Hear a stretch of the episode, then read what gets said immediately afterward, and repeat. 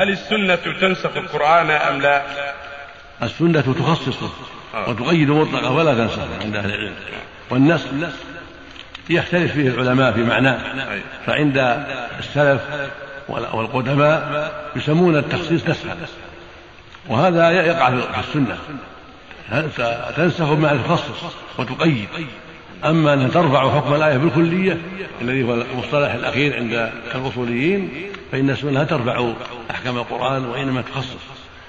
قد يكون تكون الآية عامة فتأتي السنة فتخصص كما سمعتم في قوله جل وعلا يوصيكم الله في أولادكم هذه الآية خصصها قوله جل وعلا قوله النبي صلى الله عليه وسلم لا يزن الكافر فهي عامة مقيدة مخصصة بهذا الحديث مع آيات أخرى في المعنى.